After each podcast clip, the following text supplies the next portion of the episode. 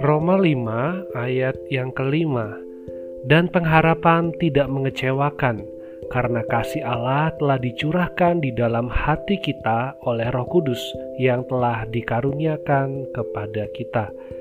Sekali lagi saya bacakan Roma 5 ayat yang kelima Dan pengharapan tidak mengecewakan karena kasih Allah telah dicurahkan di dalam hati kita oleh roh kudus yang telah dikaruniakan kepada kita.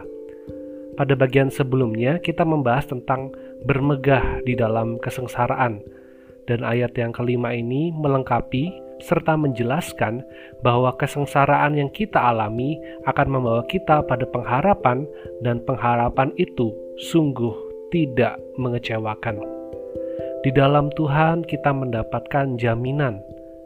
Kita terus diteguhkan dan dikuatkan di dalam pengharapan dan ini merupakan kalimat yang kuat yang ditulis oleh Paulus bahwa pengharapan itu nyata karena kasih Allah telah dicurahkan di dalam hati kita oleh Roh Kudus yang telah dikaruniakan kepada kita. Paulus dengan tegas, dengan jelas memakai kata "dicurahkan". Kata ini digunakan Paulus untuk menggambarkan bagaimana Allah sungguh-sungguh memberikan kasihnya kepada kita kita bukan hanya mendengar kasih Allah, kita bukan hanya mencicipi kasih Allah, tetapi kita seharusnya mengalami kasih Allah. Sebab kasih itu dicurahkan, artinya diberikan dengan limpah-limpah kepada kita di dalam hati kita. Rasul Paulus ingin agar orang-orang di kota Roma, juga kita yang membaca surat Roma di hari ini, tahu akan kebenaran tentang kasih Allah, dan lebih daripada itu, setiap orang percaya seharusnya memiliki pengalaman akan kasih Allah, merasakan kasih itu. Bagaimana kita bisa merasakan kasih itu di tengah kesengsaraan yang kita alami?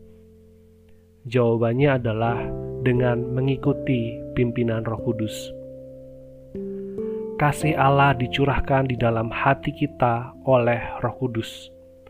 Artinya, kita bisa sungguh-sungguh merasakan kasih Allah ketika kita hidup di dalam bimbingan Roh Kudus, ketika kita hidup seturut dengan kebenaran firman Tuhan.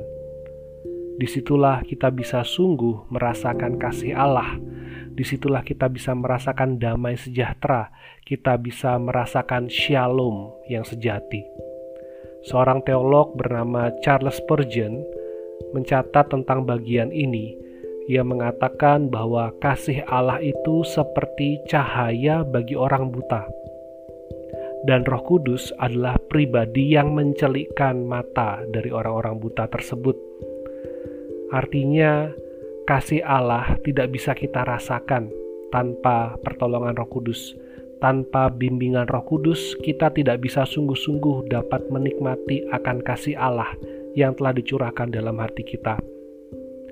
Hanya karena Roh Kudus, pimpinan Roh Kudus, itulah yang akan menolong kita merasakan kasih Allah yang dicurahkan di dalam hati kita.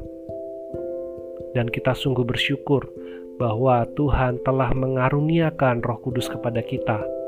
Roh Kudus ada di dalam hati kita biarlah hidup kita senantiasa taat pada pimpinan Roh Kudus. Artinya, Tuhan mau agar kita hidup seturut dengan kebenaran firman-Nya, sehingga kasih Allah, damai sejahtera Allah dapat kita alami, dan itulah yang terus menguatkan kita di dalam menjalani hari-hari kita. Pengharapan di dalam Allah tidak akan mengecewakan. Di dalam tantangan, di dalam penderitaan sekalipun, ketika kita mau hidup dipimpin oleh Roh Kudus, itulah yang membawa kita mengalami damai sejahtera. Itulah yang menolong kita untuk terus-menerus merasakan akan kasih Allah. Kiranya firman Tuhan ini boleh menolong kita untuk hidup seturut dengan kebenaran firman-Nya dan biarlah hari-hari kita di dalam segala tantangan dan kesulitan yang ada, kita boleh terus dikuatkan, kita terus diyakinkan di dalam pengharapan akan kebenaran ini. Dan biarlah itu terus membawa kita semakin mengenal Allah kita dan mensyukuri akan karya keselamatan yang sudah dinyatakan di dalam Tuhan Yesus Kristus. Selamat menjalani hari ini dan biarlah Tuhan yang membimbing kita melalui kebenaran firman-Nya. Tuhan Yesus memberkati.